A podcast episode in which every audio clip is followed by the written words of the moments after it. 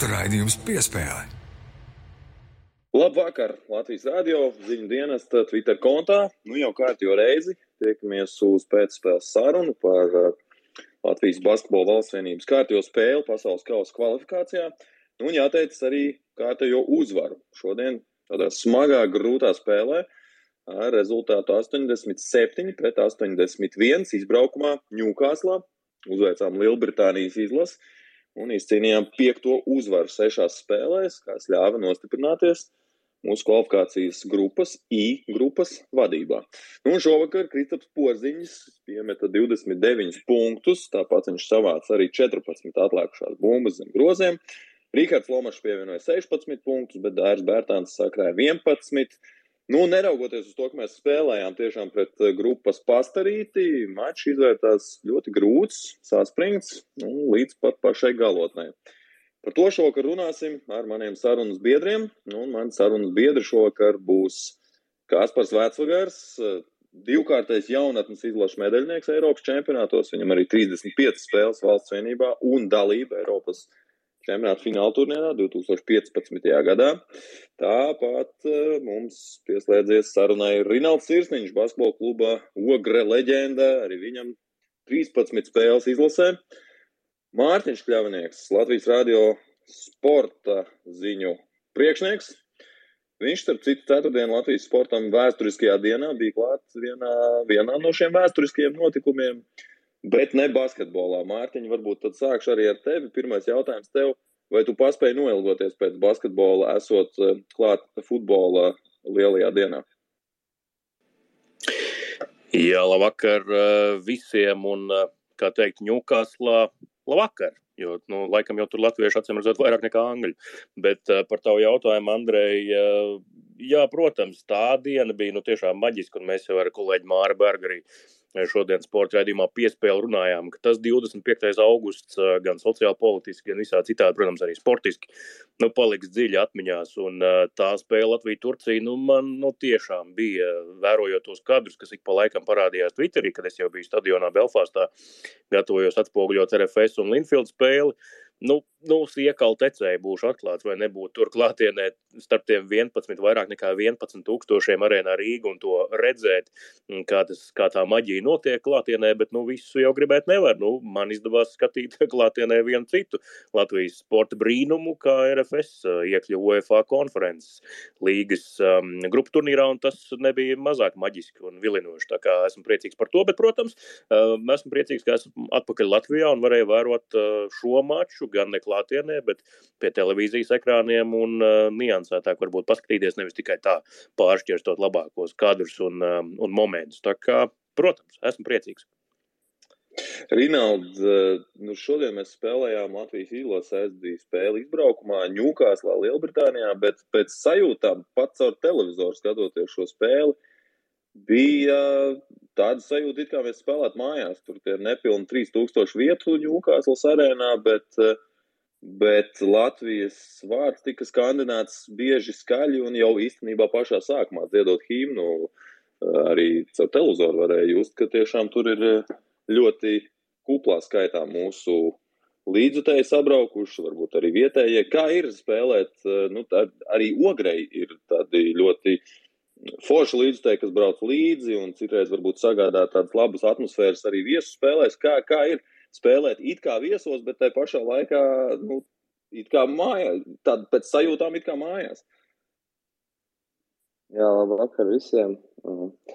Kā jau tu minēji, tiešām tā ir milzīga nozīme, jo, jo tavi, tavi teiksim, lielākie fani un atbalstītāji, kas arī ko tādas svētkus, ja, kā, kā šodien, piesim, ka visas spēles laiku mēs dzirdējām praktiski tikai Latvijas ja, vārdu. Tā kā es domāju, ka visi spēlētāji to arī varētu apstiprināt, ka tas ir milzīgs tāds uh, pluss un, un, un daudz, daudz palīdz tieši tādos grūtos, grūtos mirkļos. Uh, sevišķi kā bija viena brīdi spēles beigām, ka vajadzēja tās emocijas dabūt. Un tad sastais spēlētājs, teiksim, ir tas, kas lielu, lielu grūdienu iedod un palīdz. Kā, jā, milzīgs paldies spēlētājiem, milzīgs paldies uh, arī atbalstītājiem, faniem, kas bija līdzi. cik es saprotu, arī ļoti daudz vietējie bija latvieši, kas Anglijā uzturās. Paldies viņiem, jo es domāju, ka bez viņiem būtu vēl sarežģītāk šī spēle. Bet uh, visi labi, kas labi beidzies. Mm. Nojausma jau bija, ka būs grūta spēle, fiziski tieši grūta. Varbūt, varbūt šoreiz tas uh, pārliecinošais, pārliecinošā uzvara un pārliecinošais sniegums pret Turcijas komandu mazliet, mazliet mums, teiksim, tā nepalīdzēja šodienas spēlē. Bet uh, nu, Džeki parādīja, ka ir profesionāli nocīnījās līdz galam. Un, un, un, Un esam, teiksim, tā, vēl vienu platu soli spēruši tuvāk uh, jaunai Latvijas vēsturē pārrakstīšanai pasaules čempionātam. Kas par paraksturo varbūt to brītu komandu, kas mums šodien stājās pretī? Kas, kas tā bija par komandu, kā viņi spēlēja, kāpēc mums tik grūti gāja, it kā pret grupas pastarīšanu? Tā, čau, Andrei, labvakar visiem! Uh, Vispirms gribētu pateikt, ka bija noteikti muļķīgi domāt, ka mēs aizbrauksim un tagad uh, uzvarēsim Lielbritāniju ar lielu pārsvaru. Lai arī mēs pirms tam pret Turciju tik veiksmīgi spēlējām, metienu lidoja skaidrs, ka uh, šī Lielbritānijas komanda bija paveikusi arī diezgan labu darbu tieši izkautojot mūsu spēlētājus un saprotot mūsu stiprās un vājās puses. Un, nu, ļoti uzkrītoši bija tas, ka jau pašā spēles sākumā, 2 pret 2 situācijās, jo, kā mēs zinām, tad uh, trenerim Mukam Bankī patīk spēlēt ļoti daudz šīs 2 pret 2 situācijas mazāk. Izmantot eh, teiksim, tā spēli muguru pret grozu. Eh, līdz ar to šajās situācijās, kur Kristaps veidoja šos eh, aizsegus, bija maziem spēlētājiem tajā brīdī, kad viņi sāka agresīvāk spēlēt, pavērās šīs groz, ceļš uz grozu, jo nu, tika pieskatīts ļoti Kristaps, un līdz ar to mēs centāmies ļoti meklēt Kristapu šajās situācijās, ņēmām bumbu rokās, bet tajā brīdī, kad īpaši Jānis Strelnieks pašā sākumā jau šo floteru metienu, kur realizē pēc tam arī otrajā puslaikā Lomačs labi pavilka tieši šajās situācijās, bet uh, tas, ko arī Luka Banki uzsver pirms spēles, ka šī Lielbritānijas izlase ir ļoti fiziska, viņa ļoti teiksim, tā, spēlēs fiziski atliekošās bumbas uzbrukumā, spiedīs ārā no blokiem. Uh, Lielbritānijas mazie spēlētāji paveic lielisku darbu tādā ziņā, ka viņi spieda musējās ārā no blokiem, uh, kas nozīmē, ka jāspēlē agresīvāk, jācenšas sagatavot šīs divu pret divu situācijas, jāuzved tas mazais spēlētājs uz to bloku un līdz ar to jābūt agresīviem. Bet beig beigās mēs adaptējāmies. Lomačs bija tas džeks, kas eh, pavilka mūsējos, tālāk arī sekoja pārējie un tā spēle atraisījās un beig beigās patīkam uzvar. Eh, Rinald, eh, Kaspars jau ieskicēja tos iemeslus, bet kā tu redzēji to, kāpēc mums tik grūti nāca Un patiesībā jau mēs pat neatradām to spēles ritmu līdz pat pašām beigām. Vai pareizāk sakot, bija kaut kādi brīži nogriežņi, kad mēs veicam izrāvienu, bet mēs tā kā nespējam noturēt līdz galam to. Un mums uh, trešajā ceturdaļā bija tas labais mm, izrāviens, labais nogrieznis, kad, uh, kad uh, sanāca gan Uh, trīs tehniskās, trešā tehniskā piezīme Lielbritānijai sanāca iemest Dairim trīnieku pie panākt plus pieci. Uh, bet, nu, tik un tā Lielbritānija nāk, nā, atnāca atpakaļ. Kāpēc mums neizdevās nevienā brīdī salauzt to spēli ātrāk? Tā kā tas ir, teiksim, izdevies iepriekšējās cīņās, kaut vai par to pašu Turciju. Nu, manuprāt, Angļi Briti tiešām ļoti fiziski spēlēja. Un, un kā jau Kaspars minēja, viņi tiešām spieda ārā no visiem blokiem. Sevišķi liels grūtības to, tas bija mūsu mazajiem spēlētājiem. Un, uh, kas krita acīs, bija ļoti daudz, bija teiksim, tā, gandrīz pārķertas bumbas. Gan līdz tādas jau tā kā neitrālas, varbūt veiksmes palīdzība, varbūt koncentrēšanās, varbūt, varbūt kas cits, bet uh, liekas jau mūsu bumbu un viņi kaut kādā veidā tomēr sasniedz uh, britu rokas un, un, un bumbu vienkārši tiek ļoti elementāri iemesta grozā, vai arī atkal gan īsti pārķeram, gan arī jau aizējām uz ātro uzbrukumu tajās, tajā tieši tajā key momentā, bet atkal kaut kāda maza neveiksme, kāda maza nianse un bumba ir pie angļiem un viņi uh, gūst trīs punktu metienus. Un tas tā tīri psiholoģiski arī drusciņi nosit uh, to tādu to labo vilni mūsu, mūsējiem, un, un savukārt Angļi gūs kaut kādu pārliecību. Un, un skaidrs, ja būtu iemetuši savus brīvos metienus, būtu metuši vismaz līdzīgi, kā, kā Latvijā metām pret Turciju, tad, domāju, tā spēle tiktu salauzta daudz ātrāk, jo Jo Angļi bija visu laiku, teiksim tā, spēlē, visu laiku viņi jūta, ka viņi var aizķerties. Nevienu brīdi nebija tāda bezcerība, tā kā mēs redzējām, kā turki jau padevās nu, pie plus 18, jau treneris sēdēja un, teiksim, nezināja vairs, ko darīt. Tā kā es domāju, ka te ir tāds komplekss, kas nospēlē pa sliktu mums un par labu Angļiem. Mārtiņa, tev skatoties šo spēli, bija visas spēles garumā pārliecība, ka nu, jā, mums ir labākais sastāvs, un lai kā tur iet tā spēle, mēs beigās nolauzīsim, vai tomēr iesgās arī tev tās šaubas kādā brīdī? Nu, atklāti sakot, tieši pirms tam man šo jautājumu uzdevu, arī to galvā pārcilāju, bija man vai nebija. Un eh, tas sarakstoties arī spēles laikā ar dažiem kolēģiem no citiem medijiem un uzklausot viņu pārdomas, eh, tas domu grauds, kas izkristalizējās un kas arī manā galvā, nu īpaši, jā, protams, pēc uzvaras pār Serbiju, ir, mm, ka Lukas Bankī vadība nav vairs tā sajūta, kas bija kādreiz Latvijas izlasē. Nezinu, lai, uh, lai piedod tie, kas kādreiz spēlēja Latvijas izlasē, bet nu, kaut vai kā līdzutēji es tā uzreiz atceros, piemēram, 2007. gada Eiropas čempionāta fināla turnīra spēle pret Portugāli. Nu, ja neiet metieni, tad īsti, nu, ko tad mēs tagad vēl varam izdarīt? Jā, protams, jāspiež uz tiem sodiem, lai mēs vairāk stātos uz līnijas un, un tādā veidā to spēli laustu, bet vai gadu gaitā tas tiešām ir sanācis un nostrādājis? Un, laikam nenāk uzreiz prātā tāda spēle, kurā Latvijas izlase, kur būtu salauzusi ar aizsardzību vai uzvarējusi šādu aizsardzību, šīs grūtās, tās laužamās, rokamās spēles. Nu, tur pret Serbiju tāda bija. Un, eh, un, protams, ka arī šodien nu, tas, tas nu, pavadiens šķita, ka nu, velk uz to pusi neapšaubāmi. Un tāpēc tā pārliecība ir iesēta ar to, kas ir redzēts iepriekš Lukas eh, bankī vadībā. Un tāpēc es biju diezgan pārliecināts, jā, ka, ka, ka vīri izdarīs pareizās lietas un, un no pareizā sākuma punkta, protams, no aizsardzības šo spēli arī salauzīs un uzvarēs. Un, un ļoti spilgti man atmiņā ir paliks, palikuši un joprojām skan kapteiņa Dāra Bartāna vārdi, ko viņš teica minūtes pārtraukumā, apmēram 5 minūtes pirms pamatlaika beigām. Es izlaidīšu lambordus, bet no apmēram nu, beidzam čakarēties un nospēlējam aizsardzību līdz beigām, bez sodiem, un tad būs viss kārtībā. Nu, un redz, kā tas strādā un tas izdodas. Kaspar, mums salīdzinoši maz ātru uzbrukumu šīs dienas spēlē. Un patiesībā Briti pat pašā spēles sākumā viņiem izdevās vairāk šo agresīvu aizsardzību, tik pie tādiem ātriem uzbrukumiem.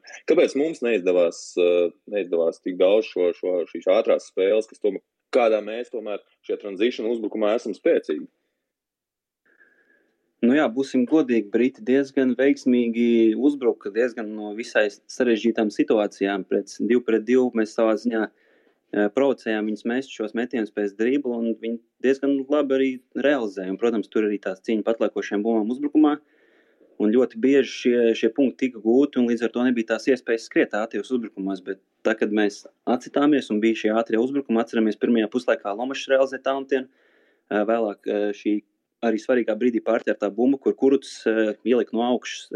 Nu, tas viss ir saistīts ar aizsardzību. Manuprāt, tajā brīdī, kad aizsardzība bija līmenī, tajā brīdī arī veidojās šie ātrie, ātrie uzbrukumi. Un, uh, nu, arī bija situācijas, kur mēs baigi nemetāmies uz priekšu. Arī tādos svarīgos momentos, ka mums bija šķiet plus 5, tur 3 minūtes uh, dabūjām to atliekošo bumbu aizsardzībā. Un, Varbūt bija šis pirmais izrāviens pāri centram, tikām, bet nekur nemēģinājām neko liekas sāstināt, lai neveidotos šīs, šīs muļķīgās kļūdas. Jo būsim godīgi, šodien nebija tā mūsu veiksmīgākā spēle, nebija tā mūsu skaistākā spēle, bet uh, kopumā ar tādu raksturu izcīnīt uzvaru. Ar, protams, uh, Kristofers Porziņš ir fenomenāls spēlētājs, un to mēs šodien varējām uh, vērot. Bet arī Rodions Kurts tādā izšķirīgā brīdī tur ierāvās backdoorā, pārķēra šo bumbu. Un, nu jā, esmu tādā ļoti, ļoti patīkami tagad saviļņos pēc šīs spēles. Eh, jā, kaut kā tā. Labi, esmu pievienojis mūsu runā. Mārcis, esmu pievienojis. Mārcis, tagad vārds tev. Kas tev sakāms par šīs dienas maču?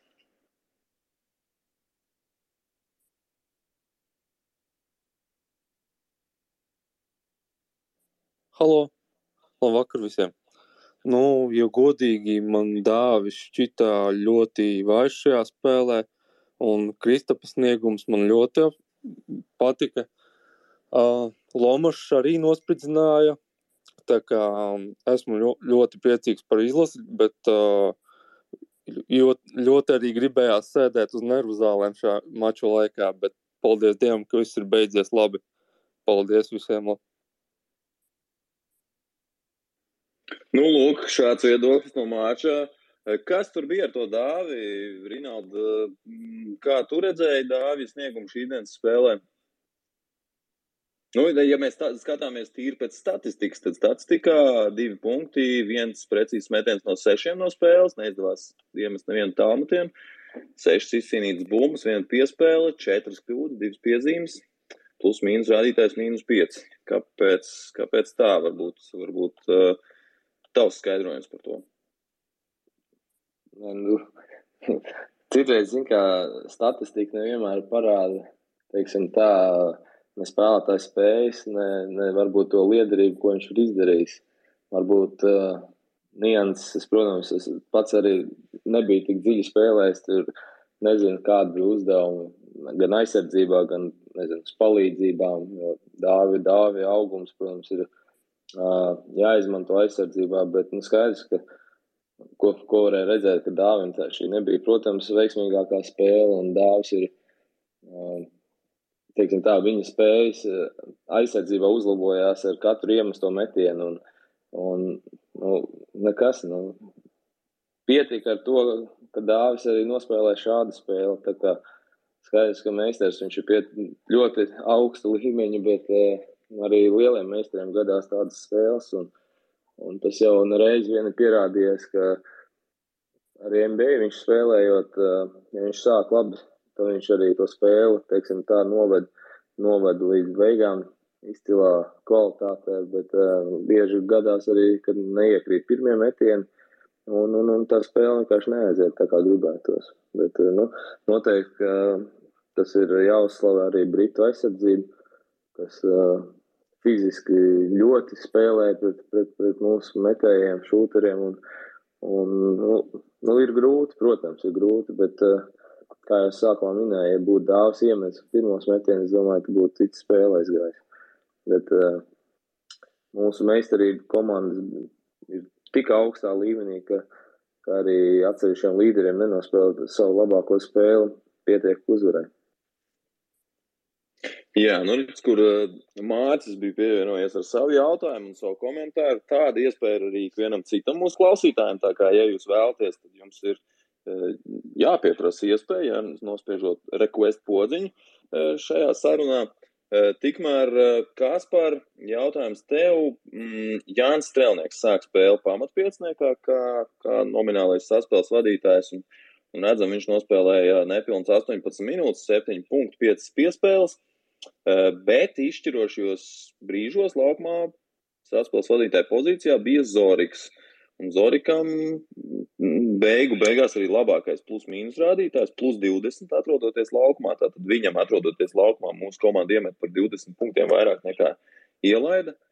Kāpēc beigās eh, tieši Zorikam tika uzticēts šie, šie, šie, šie, šīs izšķirošās minūtes, tavuprāt? Uh, vispirms es gribētu pateikt, ka Jānis Strēlnieks ir ļoti gudrs basketbolists un basketbola IQ viņam ir visaugstākajā līmenī, es gribētu teikt, Eiropā, pat pasaulē. Un tieši Jānis bija tas spēlētājs, kas sāka lasīt šo pretinieku aizsardzību, šā, sāk doties šajos caurgājienos pie šīm divu pret divu situācijām, sāk veidoties mums tas uzbrukums, sāk atraisīties skaidrs, ka trenerim arī jā, jāregulē un jāsaprot, kā viss notiek teiksim, tā, spēles ritējums un viss pārējais, kur piecinieki, kur spēlētāji, kur labāk saspēlējās. Līdz ar to varbūt spēles beigās arī šķiet, ka Jānim bija četras piezīmes, ja nemaldos.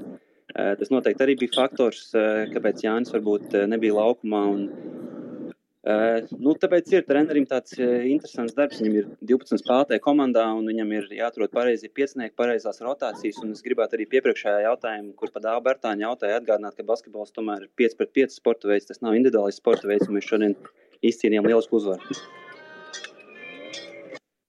Paldies, mēs jau dzirdam, Roberts. Roberts mums ir pievienojies. Varbūt arī Robertam ir kāds komentārs vai jautājums. Jā, šī vakar spēles. Kāpēc? Uh Lēmans, man liekas, ļoti labi sāka, bet viņu ātri nosēdināja.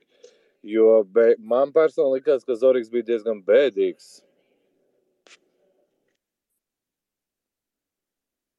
Ok, par Lēmanu komentārs. Nu, Lēmans šodien jā, iesaistījās spēlē. Jāatgādina, ka Lēmans tika iekļauts sastāvā, tāpēc, ka, mm, nu, visticamāk, tāpēc, ka Artūrs Kuruts nevarēja piedalīties, jo pirmajā mačā Artūrs, pirms pirmā mača Artūrs saslima īsi pirms spēles, tur vairs nevarēja veikt izmaiņas sastāvā. Nu, un šoreiz Lēmans tika pieteikts spēlei, arī izgāja laukumā. Uh, nu, tā, pēc statistikas skatoties, ne ar ko īpaši neizcēlās savās trīs nospēlētajās minūtēs. Nu, man, mums te ir divi saspēles vadītāji. Kaspars Rinalds, pastāstiet, uh, Rinaldam šoreiz varbūt vārds, uh, vai tu pat paspēji pamanīt tajā trīs minūtēs Lēmana laukumā?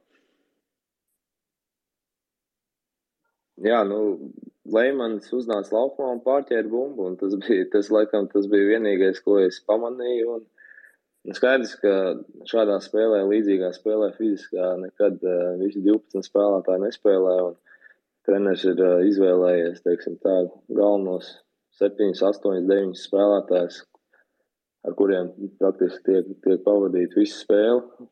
Un, uh, nu, Zoriku ko es varu pakomentēt, kā iepriekšējais runātājs teica, ka nekāds, nu es arī īsti nepiekritīšu, jo, jo viņš ļoti daudzas lietas, varbūt viņam nav tā statistika tāda, bet, nu, tāda sāsinātie caurgājieni no viņa no āras savilka, atdeva tālāk piespēles un aizgāja aizsardzībā liels rotācijas un mūsējie, teiksim tā, izmētāja līdz brīvam metienam, bet uh, to pirmo caurgājienu pie veica Zoriks un to statistika statistikā neraksta.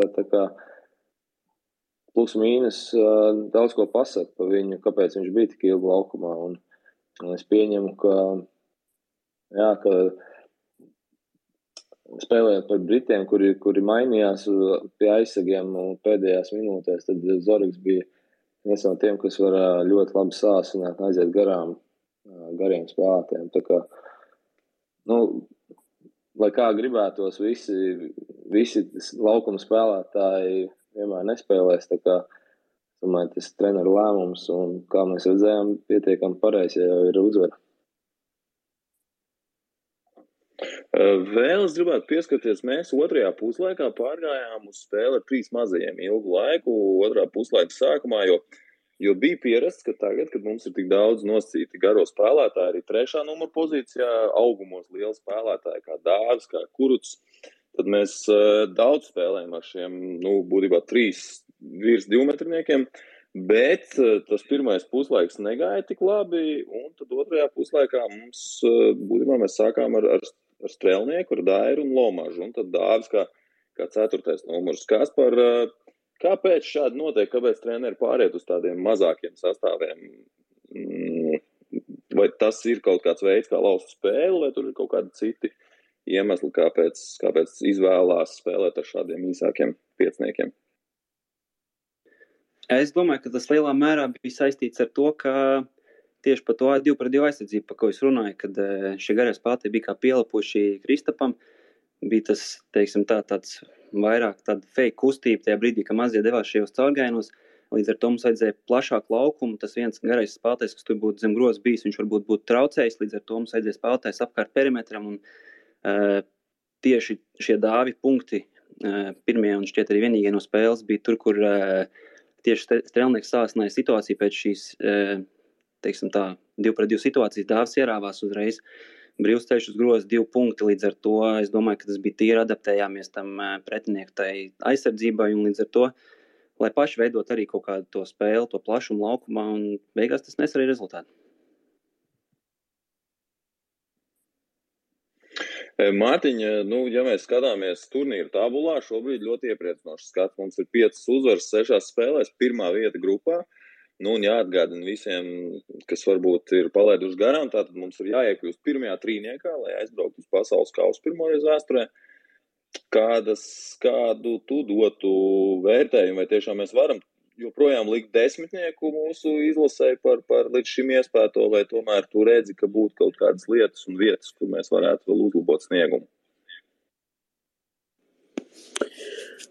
Mm, nu, jāsaka tā, katrā gadījumā, ja mēs tikai vērtējam šīs divas konkrētās spēles pret Turciju, Un pret Lielbritāniju, jā, nu noteikti tas vērtējums pavisam noteikti, vismaz manā izpildījumā, būtu tuvu tam maksimālajiem desmit um, bāļu līmenim, uh, nu, īpaši jau atceroties uh, emocijas un to uh, efektu vilni, kāds bija pēc spēles ar Turciju, bet, nu jā, protams, vienmēr ir arī lietas, ko var uzlabot un par ko tagad skaidrs, ka jālauz galva, ka, nu, nākamajās spēlēs, protams, ka sastāvs būs cits, un tas vezums arī būs jāvāk citiem. Nebūs vairs Krista Porziņa, kurš iemetīs 29 punktus un uh, savāks uh, 14 bumbas zem groziem, kā šajā spēlē, piemēram.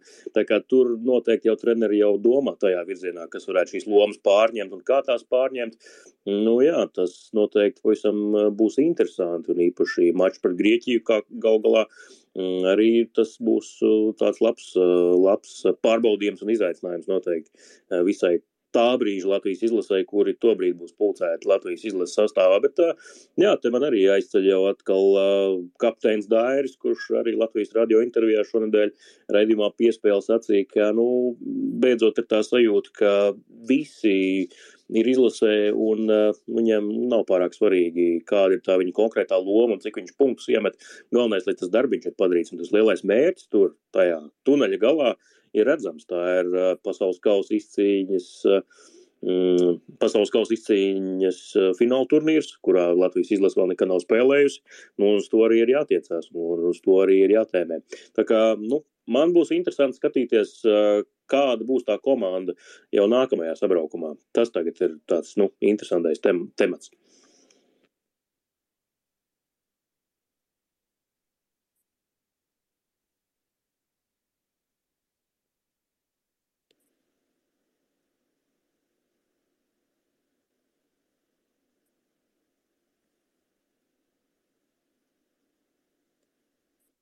Tā, mazas tehniskās problēmas, bet arī es esmu atpakaļ dzirdēju visu, ko tu teici. Mums ir tikmēr pievienojušies vēl divi runātāji, un viens no tiem ir Toms Māmēsters, kurus jau pašā sākumā pieteicu, mēs tev sagaidīsim.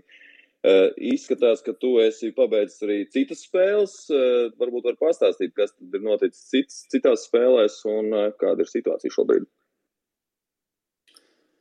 Citās spēlēs, pirms, vispirms labvakar visiem, apsveic visus ar Latvijas eh, grūto uzvaru, bet, eh, ja runājam par citām spēlēm, tad eh, Serbija izcīnīja otro uzvaru šajā kvalifikācijas logā. Iekrāja 20 punktu pārsvaru pirmajā puslaikā pret Turkiem, izsēja to. Turcija pat uz vienu brīdi bija vadībā ar vienu punktu pārsvaru, bet tad 8 punkti pēc kārtas un Serbija 79, 72.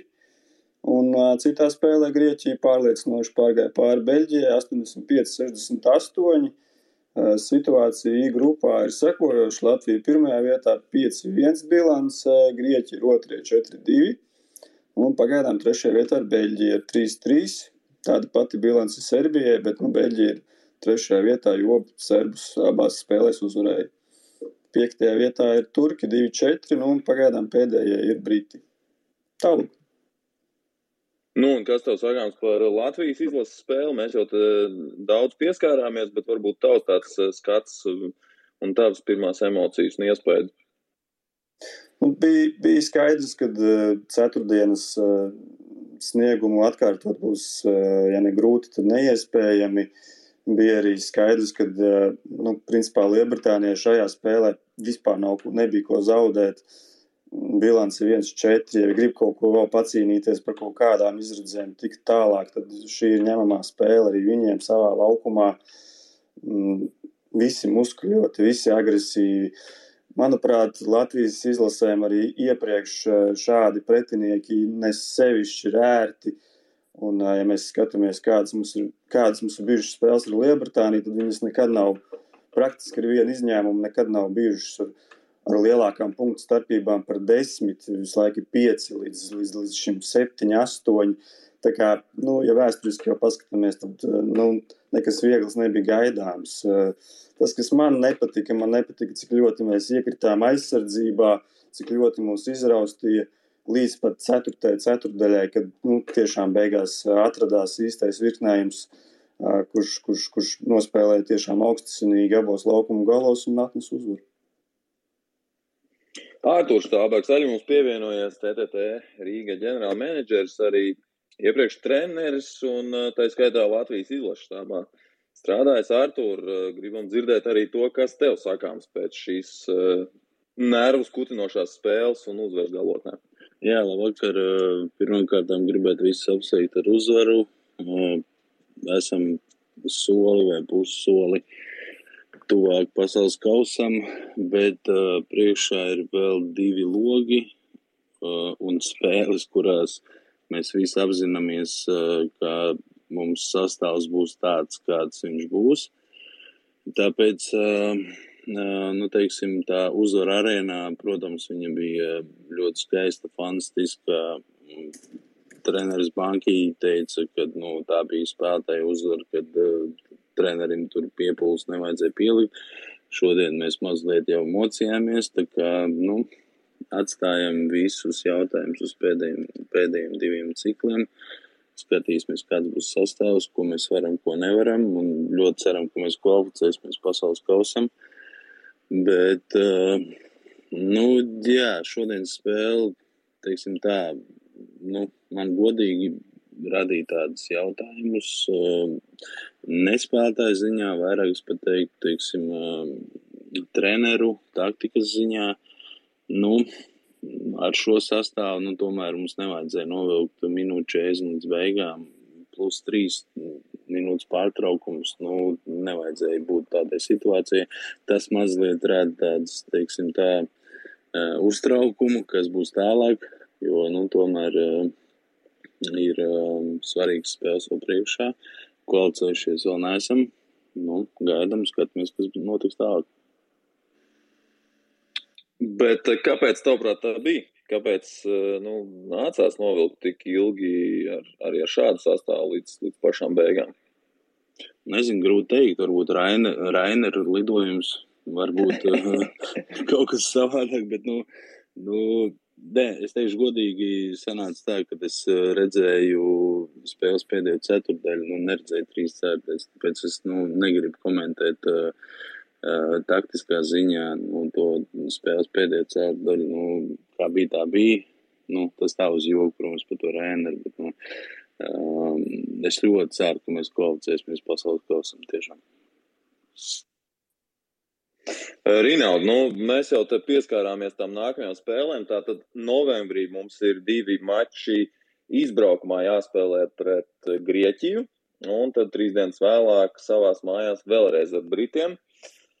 Nu, ko tu vari pateikt par, par šiem gaidāmajiem pretiniekiem, par spēlēšanu pret Grieķiem un vēl izbraukumā Grieķijā, un pēc tam vēlreiz savā laukumā pret šo Lielbritānijas komandu, kurai jau visticamāk būs daudz mazāk iztrūkumu sastāvā, salīdzinot ar mūsu sastāvu šodien. Nu, jā, te jau, te jau pareizi minēja, ka mums drīzāk, nu, ne drīzāk, bet noteikti ne, nepiedalīsies uh, vairāki no, no, no šīs dienas sastāvā, bet tajā pašā laikā mums jāsaprot arī tas, ka, ka Grieķi spēlēs arī bez savu izteiktā līderi. Jā. Tā kā uh, manuprāt, es pat redzētu uh, Latviju bez KP nekā, nekā, nekā uh, ar KP un pretī Džanis, piemēram, ja? Es domāju, ka Džanim tas, tas, tas pienesums ir uh, brutāli liels, teikt, lielāks pat, pat kā Kristupam uz Latvijas izlasi, jo mūsu pārējie, pārējie, teiksim, arī Džavars ļoti labi sev pierādījis.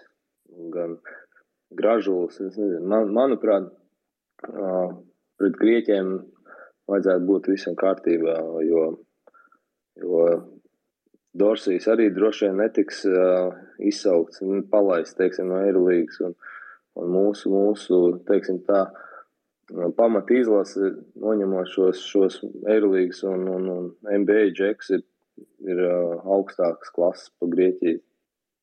Un, un, un Lielbritānija skaidrs arī. Nu, esam pierādījuši jau, ka varam spēlēt bez, bez saviem labākiem spēkiem. Es domāju, ka mājās, mājas zālē savu skatītāju atbalstīt, atbalstīt. Es domāju, ka uh, sevišķi jau, ka mērķis ir tik tuvu, visi saprot katras spēles nozīmīgumu un domāju, ka jābūt visam būs kārtībā.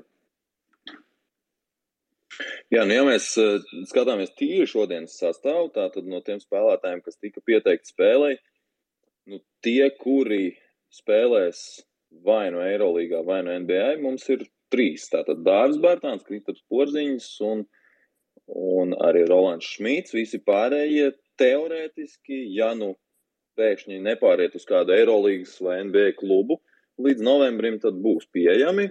Uh, nu, protams, vēl dažādi apstākļi var izmainīt šo pieejamību, bet uh, kas par, mm, nu, kā tev šķiet, uh, cik ļoti tas traucē vai vai tas vispār traucē, ka mums ir šie divi nosacītie sastāvi, vai tāds pusotrs sastāvs, un tās lomas ir stipri jāpārdala, esot tādam dāvim un Kristapam klāt, un, un nesot viņiem klāt. Nu, tas noteikti ir būtisks faktors, bet tas ir faktors visām izlasēm. Mūsu komandai skaidrs, ka nevajag būt naiviem. Latvijas izlase ar Kristofru Porziņu, Latvijas izlase bez Kristofra Porziņa, divas dažādas izlases, bet uh, vienmēr atrodas citi spēlētāji, citi līderi, kur uzņemās līderu lomu. Skaidrs, ka drošāk ir sajūta, ka mums ir Kristaps, bet nezinu, kad arī nav Kristaps, tad uh, es domāju, ka ir šīs Luka, ba Luka banka ir izveidojusi sistēmu, kurā neatkarīgi no tā, kāda spēlētāja ir izlasē, spēlē pēc vienas sistēmas, un, eh, kā mēs redzējām, varbūt brīžiem likās, ka vajadzēja Kristupam vairāk dot bumbu tieši ar muguru pret grozu šajās low post situācijās vai high post situācijās. Taču tas netika darīts, jo tika pietu, komanda pieturās pie viena un tā paša spēles plāna uzbrukumā, adaptējoties, protams, nedaudz pretinieka aizsardzībai. Tas jau, protams, notiek spēles laikā, bet uh, es domāju, ka uh, tas, kādu kursu mēs esam šobrīd uzņēmuši un kā mūsu izlases spēlē, vajag uh, priecāties, baudīt. Tas, kas būs pēc diviem mēnešiem, būs pēc diviem mēnešiem. Šodien mēs uzvarējām, un es gribētu, lai visi nedaudz priecīgāk būtu šodien. Es esmu ļoti priecīgs. Es ceru, ka arī vispārējie. Bet, eh, bet eh, paturpinot, Mārtiņa, tev, tevī rada kaut kādas bažas, tas, ka mums nebūs eh, atlikušajās spēlēs tās mūsu pašas, pašas lielākās zvaigznes. Jo viena no mūsu tādām zvaigznēm izlases kontekstā, Rihards Lomačs, viņš būs pieejams. Viņš turpinās spēlēt eh, Spānijā, kur uh, klubā, kas nepiedalīsies Eirolandā.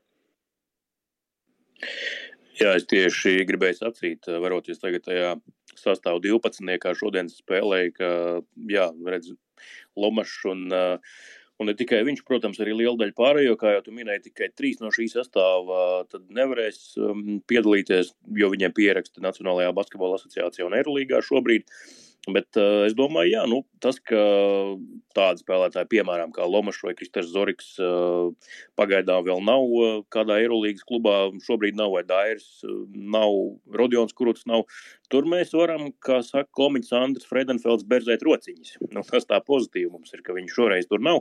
Tur nav tā lielā cīņa, ka droši vien jau ka neatbrauks un nelaidīs un varbūt, ka izlūksies, bet neliekam lielas cerības. Šoreiz ir diezgan pamatots cerības, ka viņi būs. Uh, Un, ja mēs tā runājam par personālijām, tad, jā, pieminēja Rihardu Lomašu, bet es gribētu ārkārtīgi uzteikt, un, un, un nu, žoklis man nav atkāries šobrīd, bet tuvu tam, kāds salīdzinājumā ar ziemu šobrīd izskatās Rodions Kuruts. Un, uh, tas man ārkārtīgi priecē, ka viņš ir atgūsis arī nu, spēlēt prieku jau pirmām kārtām. Viņam tas sanāk. Sanāk labas lietas gan uzbrukumā, gan arī aizsardzībā, kā mēs īpaši šodien redzējām aizsardzībā, un, un iepriekš esam redzējuši arī uzbrukumā, kaut vai pārbaudas spēlē pret Igauniju. Un, uh, es ceru, ka Dairis viņam Seviļā vēl vairāk to prieku uzlabos, un, un tas vēl vairāk veicināsies līdz nākamajam izlases logam. Jā, šķiet, viņam ļoti noderētu labi spēlēt un vispār tikt pie spēlēšanas arī klubos, kas viņam nav varbūt sanācis pēdējā laikā. Tom, kāpēc, kāpēc Rodionam beidzot ir izdevies atvērties arī Latvijas izlasē? Labs jautājums. Es domāju, ka banka ir atradis pareizo, nu, negribu teikt pielietojumu, bet nu, jā, pielietojumu viņam, kad uh, redz, uzticās, sūta laukumā arī izšķirošos brīžos. Es arī do, es pats domāju, ka viņš ir labi pastrādājis vasarā. Tomēr viņš spēlēja vasaras līgā, kas, es domāju, viņam arī daudz ko deva. Un viņš trenējās jūnijā, bija sarunājuši ar treneru Banki, ka nākamajā logā tev ir jābūt.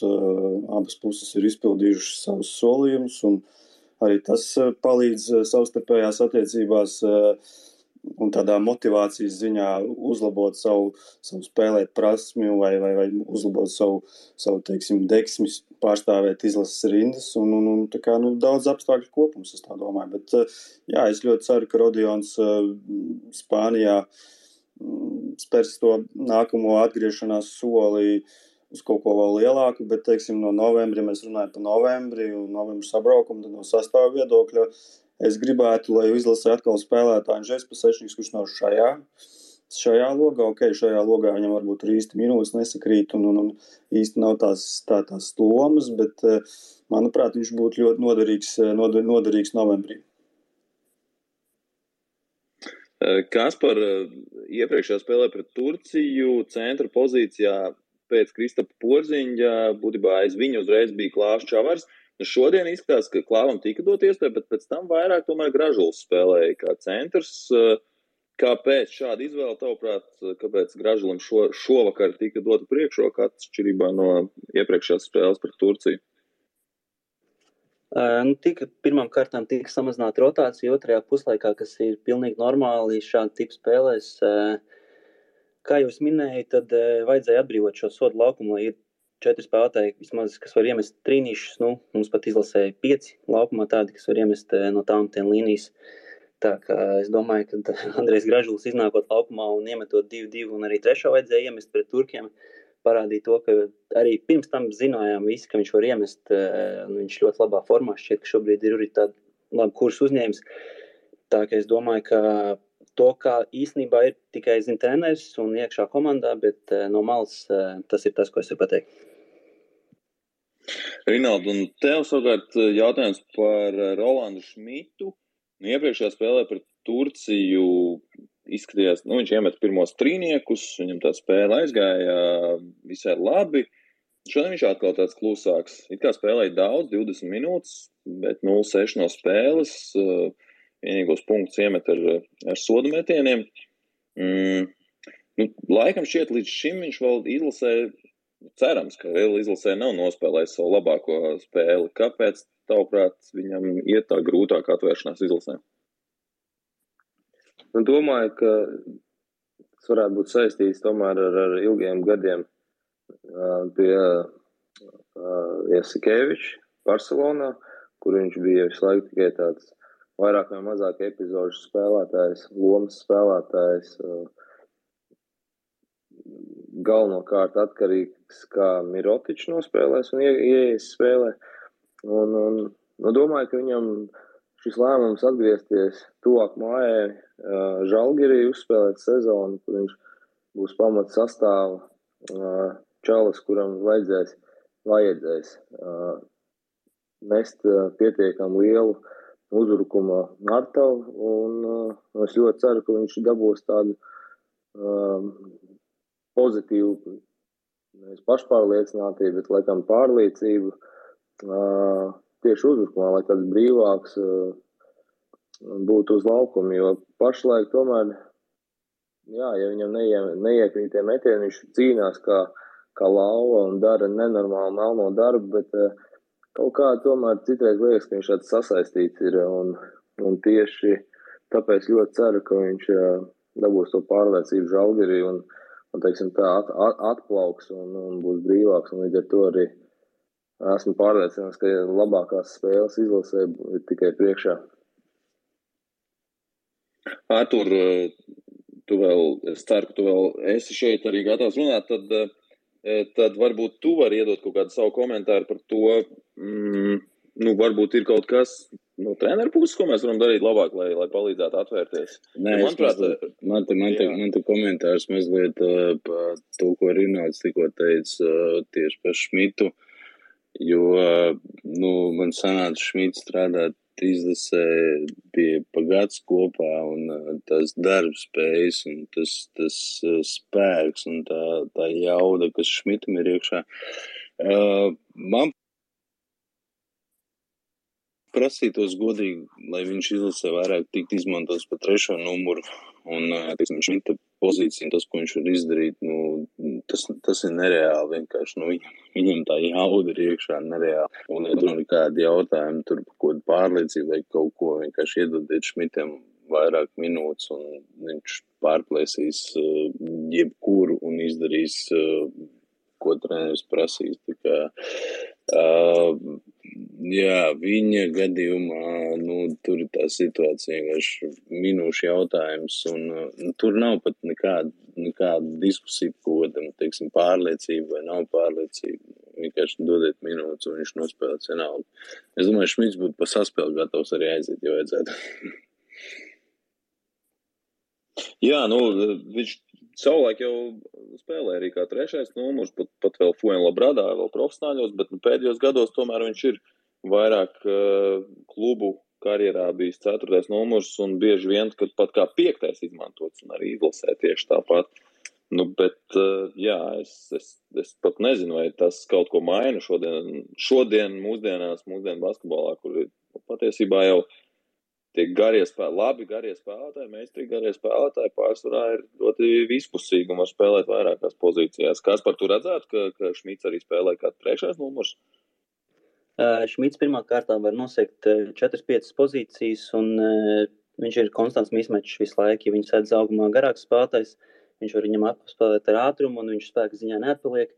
Ja viņš ir augumā garāks, stiprāks, tad viņš var mierīgi izprovocēt piezīmi vai gūt punktus. Un, uh, Kā redzējām, tad uh, fināla sērijā pret Real Madrid viņš daudz tika izmantots piekto, uh, piektajā numura pozīcijā, bet nu, tur viņam ļoti grūti gāja, jo, tur, protams, bija pretī Tavares un, uh, un šī tas te Porjē. Bet uh, skaidrs ir viens, ka uh, viņš ir spēlētājs, kurš arī pie, spē, pie situācijas, ka viņam neiet spēle uzbrukumā, ir ļoti noderīgs spēlētājs. Jātur laukumā, ir, jo viņš var nosakt vairākas pozīcijas. Un pie mūsdienu basketbola, kur ir principā switch-all aizsardzība, ja visi mainās pie visiem aizsargiem, viņš ir Eirolīgai ļoti, ļoti, ļoti vērtīgs spēlētājs. Jā, es gribēju varbūt piebilst, arī pievienojoties Rinalda teiktiem, ka droši vien jau, ka tas faktors tajā visā skaidrs. Es arī esmu redzējis Rolandu no malas, arī treniņos, un, un, un atceros uh, arī to vērojot un apbrīnojot to viņa tiešām jaudu un spējas. Arī 2017. gada Eiropas čempionāta fināla turnīrā Stambulā, bet, nu, ja tev cilvēkam 4-5 uh, gadus klubā sasien kājas un rokas un saka, tu dari tikai to brīdi to un to, uh, nu, tad es domāju, ka arī ir grūti pēc tam uznākt un darīt kaut ko pēkšņi vairāk. Šī sezona žāgrī noteikti viņam uh, nāks par labu. Tur viņam būs daudz brīvāks rokas un kājas un ceļš uz grozu un vispārējais izdomas brīvība droši vien arī laukumā. Darīt un improvizēt. Tā kā es domāju, ka tas, cerams, ka viņu prātu arī atraisīs, un tad viņš varēs. Nu, jā, ja cilvēks nav, kā saka, uh, to violi spēlējis un pēkšņi viņam ieliek rokās un uzdzen uz skatuves pašā priekšā orķestrim, grūti, var, var tomēr arī nesanākt uzreiz.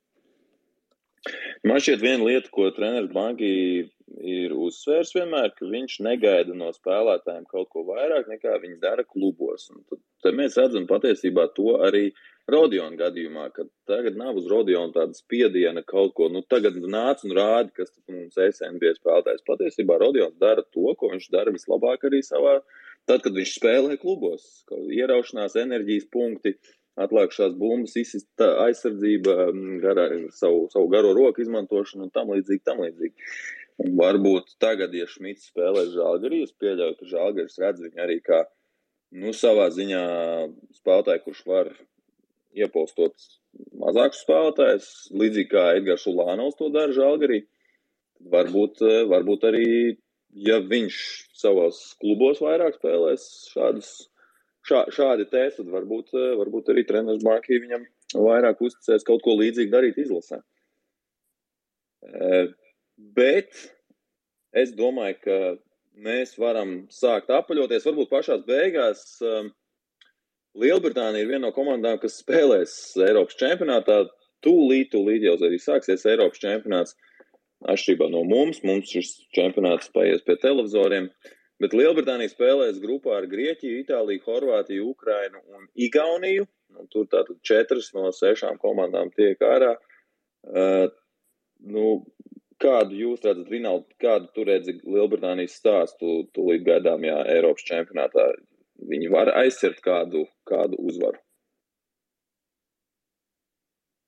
Es domāju, ka, ka uzvaru varbūt aizķers, bet nu, katrā ziņā tur vai četrniekā tiks, tas nedomāju. Tā kā es vēl neesmu iepazinies ar visu komandas sastāviem, bet redzot, redzot šīs dienas spēli, es domāju, ka, ka viņi vēl nav tik gatavi, lai kaut ko izcīnītu. Ir mazliet žēl, ka šāda komanda var spēlēt Eiropas čempionātā, un mēs tur nespēlēsim. Kas par kā, kā, kā tu skatīsies Eiropas čempionātā?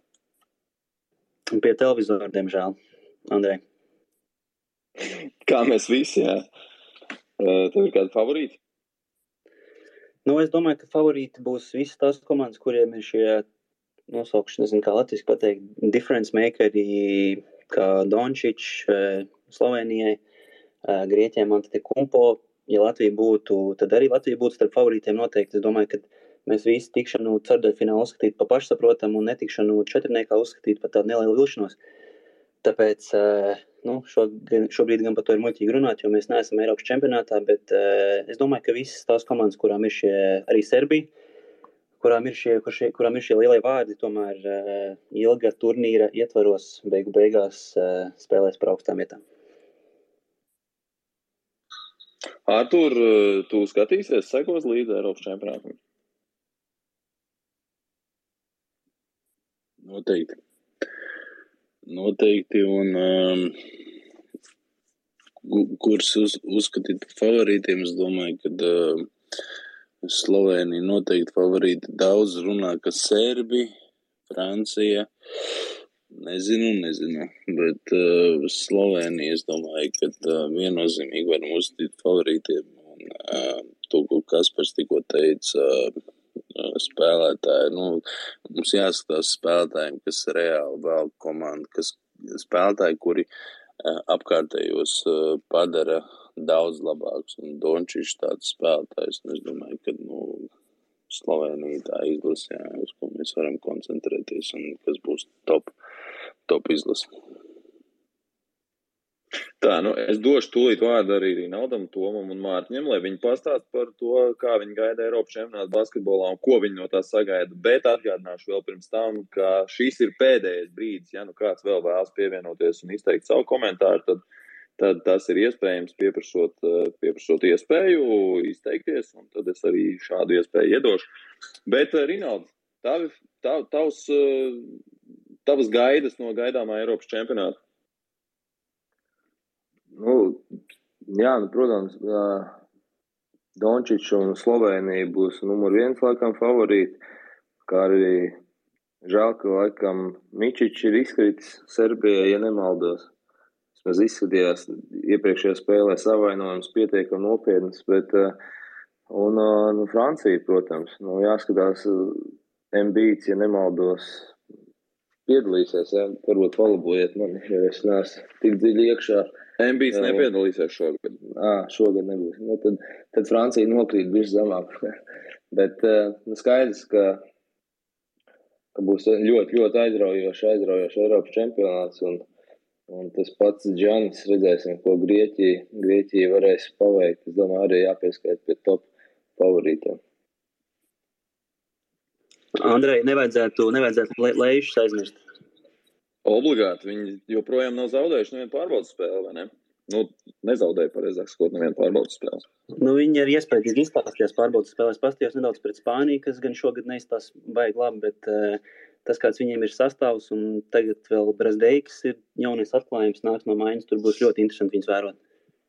Un šķiet, tur ir atrasts. Tur vienīgais treneris jāpaskatās, arī treneru faktors varam. Bet tur es gribēju teikt, ka tur ir atrasta beidzot tā ķīmija, lai spēlētu Sabons ar uh, Valanšu un pietiekami veiksmīgi kopā, kas iepriekš tā neizdevās. Tieši tā, jā, nu Sabons ir tas saucamais difference makers, un ja komandā vēl ir Valančūnas, Nu, abi izstāsta iespaidīgi, un Sabonis šobrīd jau sasniedz tādu līmeni, kad uh, viņš to spēli veido, organizē un visus padara labākus. Un, kā jau mēs runājām, tie spēlētāji, kur visus cits padara labākus, kaut vai savu, savu klātesamību, ir zelta vērtē. Un es domāju, ka Sabonis arī tas spēlētājs, kurš var neiemest punktus, bet uh, viņš atdos septiņas piespēles, izcīnīs deviņas atlikušās bumbas un komandas drīzāk uzvarēs. Tā, nu pa šo laiku mums ir pievienojies Girts Kalniņš, vēl viens basketbola cilvēks. Uh, Girt, varbūt arī tev ir kaut kas sakāms. Es nezinu, vai par Eiropas čempionātu, vai varbūt uh, par to, ko mēs runājām lielākoties šajā sarunā par mūsu spēli pret Lielbritāniju. Tad šis ir tas brīdis, kad tu vari, kad tu vari izteikties. Paldies, labvakar visiem! Jā, pirmo reizi šajā formātā piedalos, bet, nu, patīkam bija paklausīties. Pati, patiesību sakot, es um, vairāk par Latvijas izlasu šoreiz, nevis par Eiropas čempionātu, jo tur mēs neesam, un tā, ko tur mums runāt par to, kur mēs neesam, ne? Um, man liekas, tomēr uh, es gribētu runāt par divām lietām, par uh, trenera izvēli un par sastāvu, par ko te jau iepriekš mēs te run, uh, par sastāvu iepriekš pieskārāmies. Uh, Pirmais stāsts par treneru izvēli. Nu, domāju, neviens, kā teikt, no klātesošiem tie, kas man pazīst, nenolieks to, ka es gadiem esmu proponējis pozīciju par to, ka Latvijas izlasē ir jābūt ārzemju treneriem, nu, vismaz pēdējo piecu gadu laikā. Kāpēc? Ne jau tāpēc, ka varbūt tikai vienkārši Latvijas treneri varbūt sliktāki vai kaut kādi nepareizāki, bet galvenokārt, lai uh, atšķaidītu to domāšanas veidu, bet pats galvenais, lai atšķaidītu to pieeju, kāda mums varbūt mentāli ir visiem, gan treneriem bijušiem, kas ir bijušies, gan treneriem, kas ir bijušie spēlētāji, gan spēlētājiem kopā veidojās tāda, nu, kāpēc mēs nevaram uzvarēt, agrāk nevarējām uzvarēt tādas svarīgās spēles, uh, kā mēs uzvarējām varbūt šodien, kur mums vienmēr teica, vienmēr fiziski, vēl kaut kas bija mums situācija ar Portugāli. 2007. gadā ir bijuši vēl tur epizodes, kad mēs vinnam svarīgus liels mačus, un pēc tam mēs burtiski nu, saplīstam vai kā. Un, manuprāt, tā atbilde ir tajā, ka ir jābūt šai simbiozei starp Latvijas basketbola filozofija, izpratne un tā, un kaut kādam pienesumam no malas, ko šobrīd Luka Bankīs spilgti demonstrē, kaut vai tajā aspektā vien, ka, nu, mēs kā ziemeļnieku tauta vienmēr esam tādi mierīgāki, nosvērtāki, bez emocijām. Viņš iedod to emociju, bet viņš vienlaikus iedod arī to profesionalitāti. Tā kā es domāju, ka primāri tur jāaplaudē visiem, kuri bija klāt pie lēmuma par to, ka, ka mums šobrīd galvenais izlases galvenais treneris ir Luka Banki, un, un, un, un par to mēs vienkārši varam būt pateicīgi.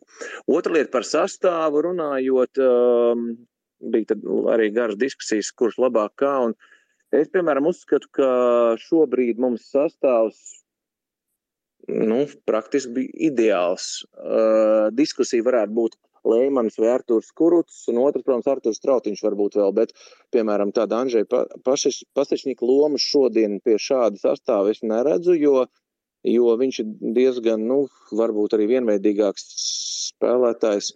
Uh, viena stila nekā, nekā varbūt at, atšķirīga stila nekā Klaus Čavars, piemēram, kurš var iedot citu dimensiju, teiksim, mūsu uzbrukumam un arī aizsardzībai. Tā kā uh, sastāvziņā, man liekas, arī šis bija tuvu optimālajam un, uh, nu, gribēju novēlēt veiksmi visiem. Cerams, ka mēs arī uh, rudens sabraukumos izdarīsim pareizos secinājumus un, uh, un, un, un, un, un paveiksim to, kas jāpaveic. Un, tiekamies nākamgad Āzijā, visdrīzāk varbūt. Nu, tā, paldies!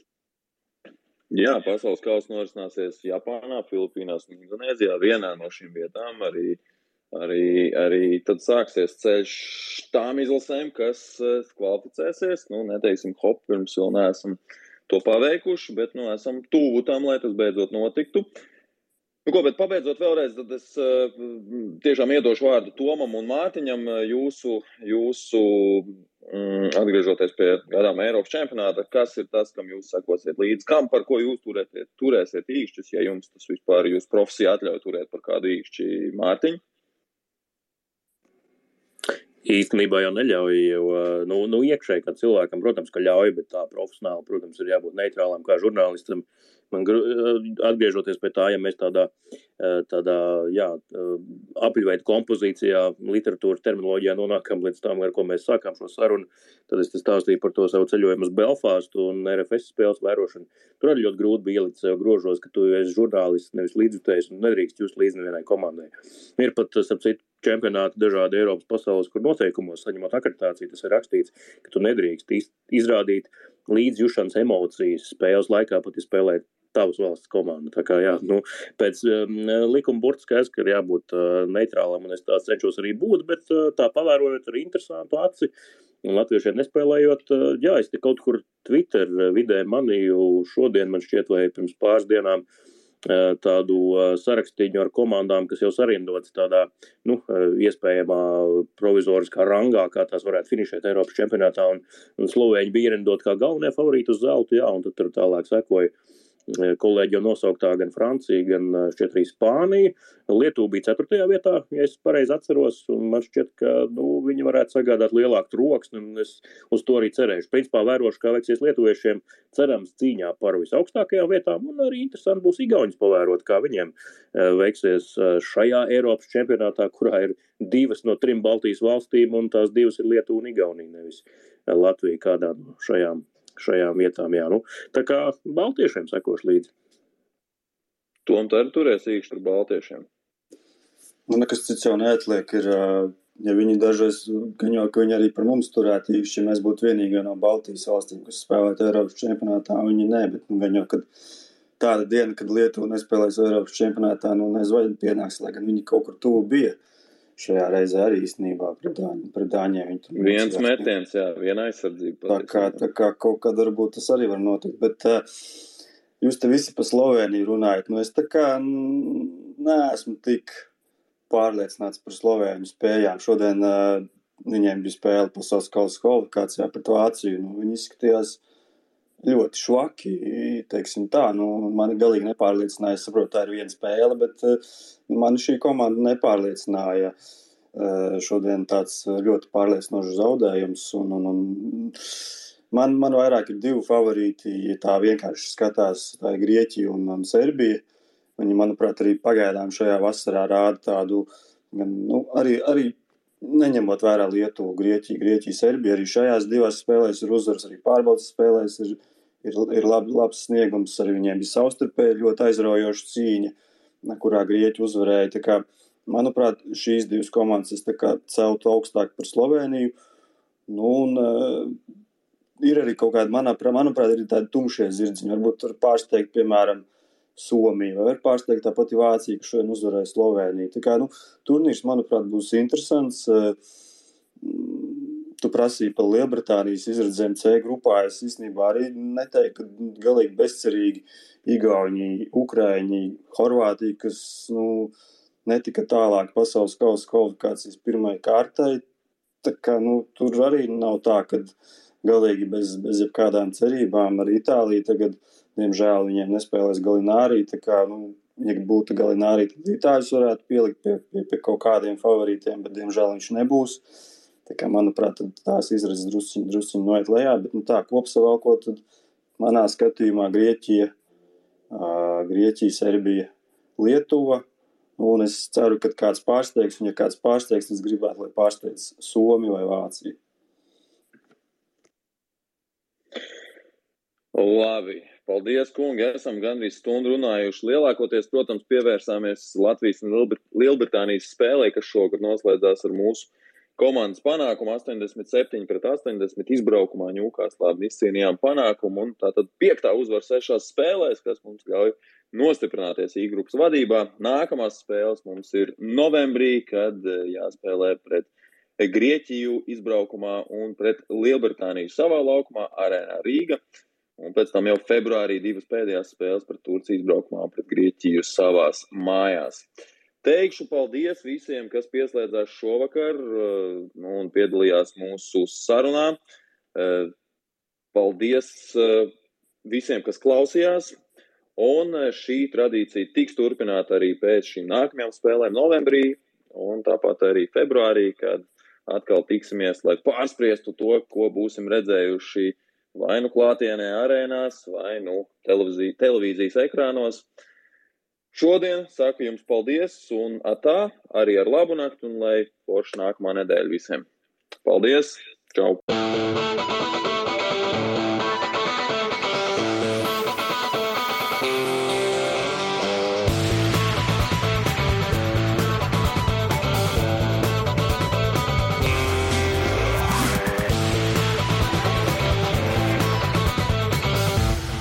Sporta raidījums piespēle.